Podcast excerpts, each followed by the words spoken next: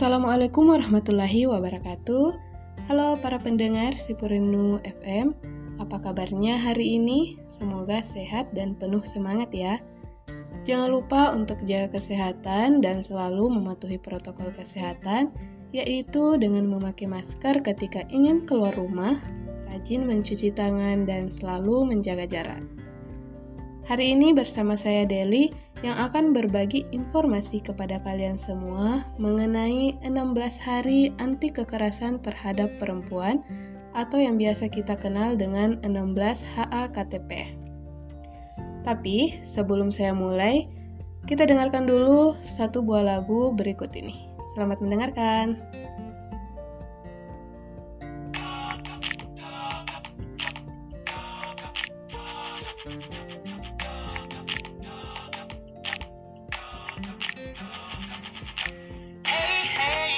overcome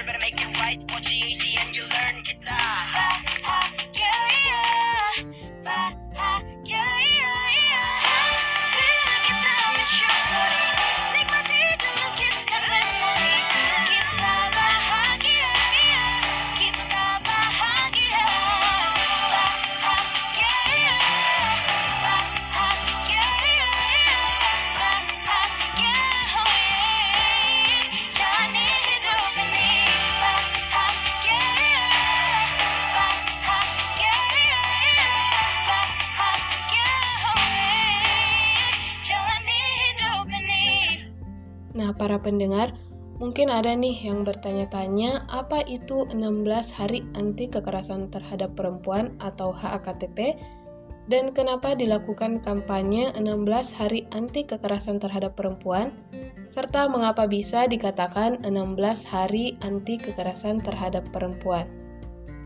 Majelis Umum PBB mengangkat 25 November menjadi Hari Anti Kekerasan Terhadap Perempuan Tujuannya untuk meningkatkan kesadaran akan fakta bahwa perempuan di seluruh dunia menjadi korban pemerkosaan, kekerasan dalam rumah tangga, dan bentuk kekerasan lainnya.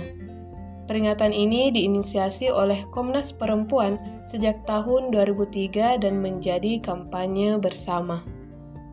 Nah, kampanye 16 hari anti kekerasan terhadap perempuan merupakan kampanye internasional untuk mendorong upaya-upaya penghapusan kekerasan terhadap perempuan di seluruh dunia. Sebagai institusi nasional hak asasi manusia di Indonesia, Komnas Perempuan menjadi inisiator kegiatan ini di Indonesia. Aktivitas ini sendiri pertama kali digagas oleh Women's Global Leadership Institute pada tahun 1991 yang disponsori oleh Center for Women's Global Leadership. Setiap tahunnya, kegiatan ini berlangsung dari tanggal 25 November yang merupakan Hari Internasional Penghapusan Kekerasan Terhadap Perempuan hingga tanggal 10 Desember yang merupakan Hari Hak Asasi Manusia Internasional atau HAM. Dipilihnya rentang waktu tersebut adalah dalam rangka menghubungkan secara simbolik antara kekerasan terhadap perempuan dan HAM serta menekankan bahwa kekerasan terhadap perempuan merupakan salah satu bentuk pelanggaran HAM. Keterlibatan Komnas Perempuan dalam kampanye 16 hari anti kekerasan terhadap perempuan telah dimulai sejak tahun 2001. Dalam kampanye 16 hari anti kekerasan terhadap perempuan ini, Komnas Perempuan selain menjadi inisiator juga sebagai fasilitator pelaksanaan kampanye di wilayah-wilayah yang menjadi mitra Komnas Perempuan.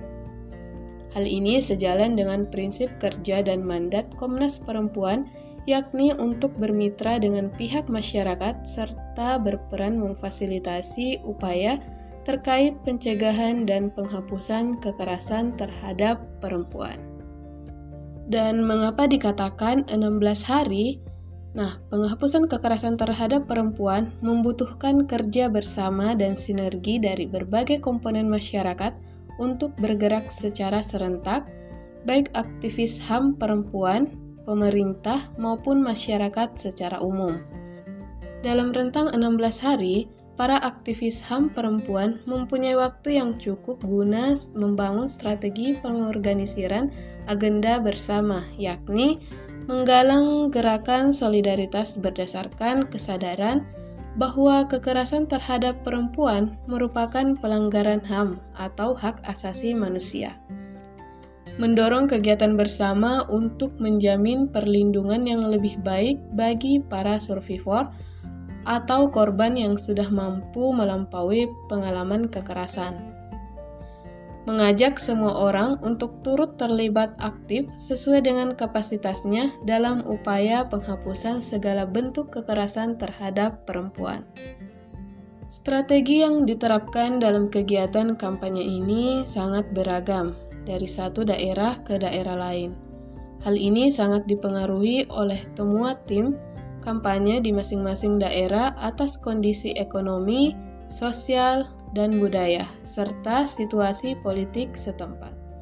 Apa pun strategi kegiatan, yang pasti strategi ini diarahkan untuk meningkatkan pemahaman mengenai kekerasan berbasis gender sebagai isu hak asasi manusia di tingkat lokal, nasional, regional, dan internasional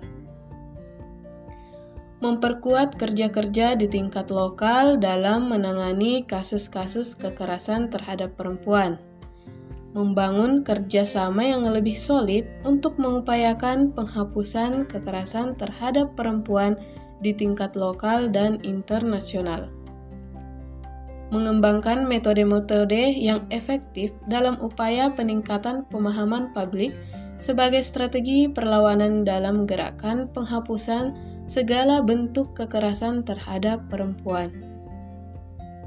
Menunjukkan solidaritas kelompok perempuan sedunia dalam melakukan upaya penghapusan segala bentuk kekerasan terhadap perempuan. membangun gerakan anti kekerasan terhadap perempuan untuk memperkuat tekanan terhadap pemerintah agar melaksanakan dan mengupayakan penghapusan segala bentuk kekerasan terhadap perempuan. Nah, apa saja yang terjadi dalam rentang waktu 25 November sampai 10 Desember? Pada tanggal 25 November, Hari Internasional untuk Penghapusan Kekerasan Terhadap Perempuan. Tanggal ini dipilih sebagai penghormatan atas meninggalnya Mirabal bersaudara, yaitu Patria, Minerva, dan Maria Teresa. Pada tanggal yang sama di tahun 1960, akibat pembunuhan keji yang dilakukan oleh rezim diktator Republik Dominika pada waktu itu, yaitu Rafael Trujillo. Mirabel bersaudara merupakan aktivis politik yang tak henti memperjuangkan demokrasi dan keadilan, serta menjadi simbol perlawanan terhadap kediktatoran penguasa Republik Dominika pada waktu itu. Berkali-kali mereka mendapat tekanan dan penganiayaan dari penguasa yang berakhir pada pembunuhan keji tersebut. Tanggal ini sekaligus juga menandai ada dan diakuinya kekerasan berbasis gender. Tanggal ini dideklarasikan pertama kalinya sebagai Hari Internasional untuk Penghapusan Kekerasan Terhadap Perempuan pada tahun 1981 dalam Kongres Perempuan Amerika Latin yang pertama. 29 November Pada tanggal ini, Hari Perempuan Pembela Hak Asasi Manusia atau Women Human Rights Defender Internasional jatuh pada tanggal 29 November setiap tahun. Perempuan pembela HAM atau hak asasi manusia menamakan diri mereka beragam. Ada yang menamakan diri sebagai pekerja kemanusiaan, aktivis perempuan, advokat, konselor perempuan korban, pendamping korban, pekerja sosial, atau relawan. Hari Perempuan Pembela Hak Asasi Manusia Internasional pertama kali diperingati pada tahun 2004. Hari peringatan ini bertujuan untuk merayakan aktivisme perempuan dalam membela hak asasi manusia di seluruh dunia, dalam semua dimensi dan konteks, baik individu maupun kolektif. Tujuan dari hari ini termasuk untuk mengenali peran perempuan dalam membela hak asasi manusia dan untuk meningkatkan kesadaran akan pentingnya perlindungan bagi women human 1 Desember. Pada tanggal ini diperingati sebagai Hari AIDS sedunia pertama kali dicanangkan dalam konferensi internasional tingkat Menteri Kesehatan seluruh dunia pada tahun 1988.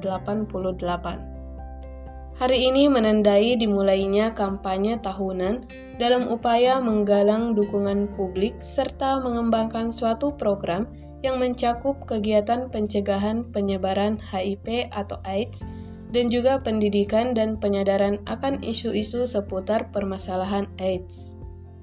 2 Desember pada tanggal ini, diperingati sebagai Hari Internasional untuk Penghapusan Perbudakan. Hari ini merupakan hari diadopsinya Konvensi PBB mengenai penindasan terhadap orang-orang yang diperdagangkan dan eksploitasi terhadap orang lain.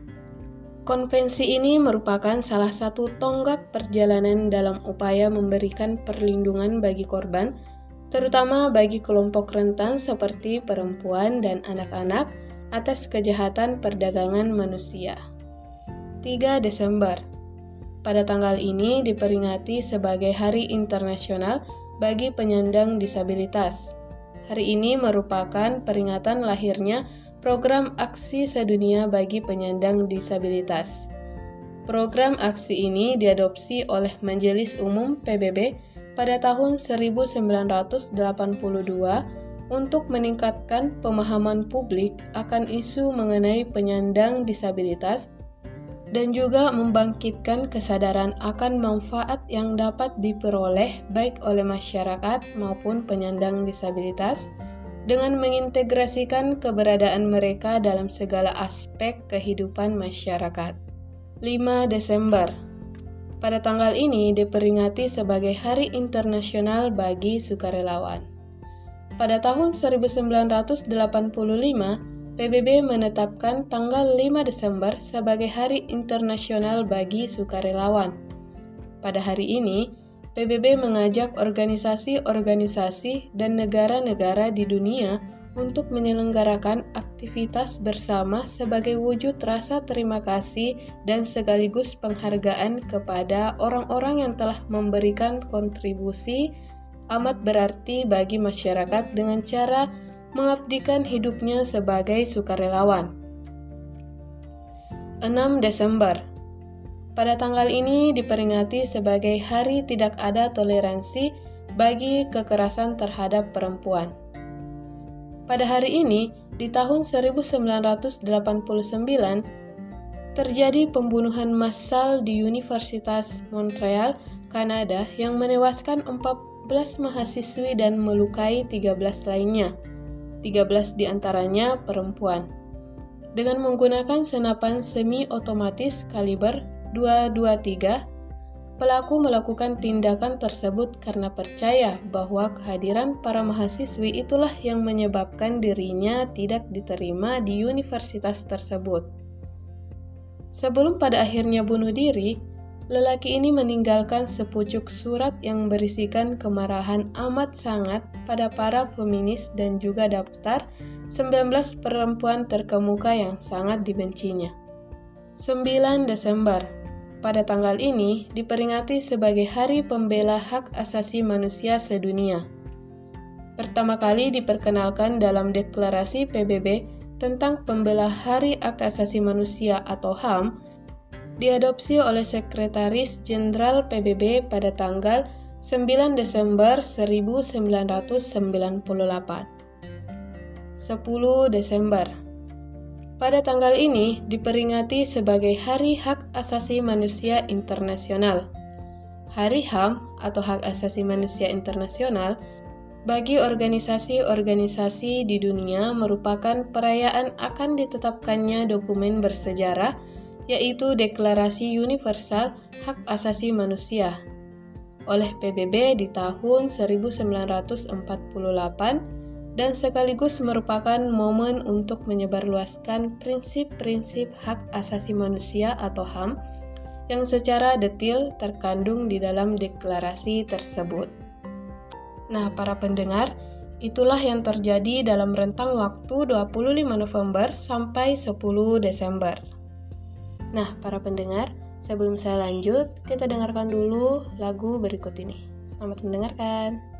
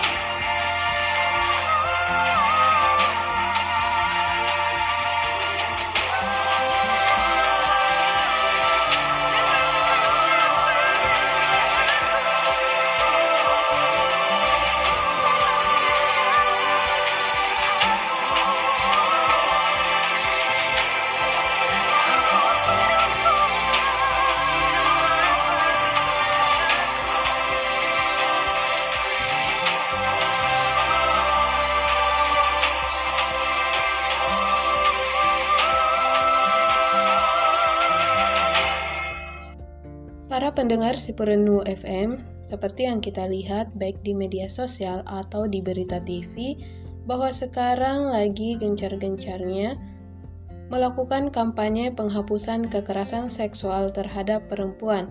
Salah satunya yaitu penghapusan kekerasan seksual di perguruan tinggi. Komnas Perempuan merilis laporan kekerasan seksual pada Oktober 2020 yang menunjukkan terdapat 27% aduan kasus kekerasan seksual yang terjadi di perguruan tinggi dalam rentang tahun 2015 sampai 2020. Selanjutnya, survei Direktorat Jenderal Kemendikbudristek tahun 2020 mencatat 77% dosen mengatakan kekerasan seksual pernah terjadi di kampus. Namun, 63% dari mereka tidak melaporkan kasus. Permendikbudristek nomor 30 tahun 2021 tentang pencegahan dan penanganan kekerasan seksual atau PPKS di lingkungan perguruan tinggi dianggap solusi atas maraknya kekerasan seksual. Hal ini penting bagi korban, sebab tak jarang dari mereka yang justru diancam dan dilapor balik atas tuduhan Undang-Undang ITE maupun pencemaran nama baik. Dengan adanya aturan ini, maka proses hukum akan lebih adil.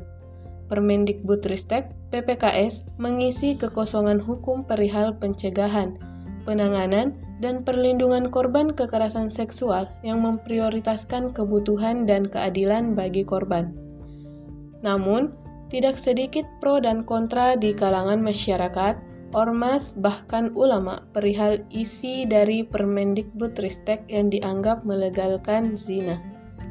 Padahal, seperti yang kita ketahui bahwa jika peraturan ini ada dan diterbitkan, ini akan membantu sekali para mahasiswi untuk tidak menerima lagi segala bentuk kekerasan, baik itu kekerasan seksual.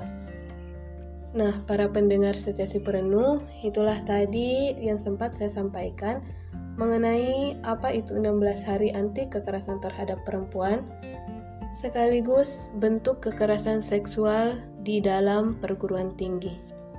Dan informasi yang saya sampaikan pada hari ini itu berasal dari website Komnas Perempuan. Dan mengenai informasi bentuk kekerasan seksual di perguruan tinggi, itu berasal dari akun Buletin Nansia. Baik para pendengar setia si perenuh, semoga apa yang saya sampaikan pada hari ini dapat bermanfaat dan yang pastinya tidak ada lagi segala bentuk kekerasan yang terjadi terhadap perempuan. Baik, mohon maaf apabila ada salah kata. Saya Deli, mohon pamit undur diri dari ruang dengar Anda. Wassalamualaikum warahmatullahi wabarakatuh.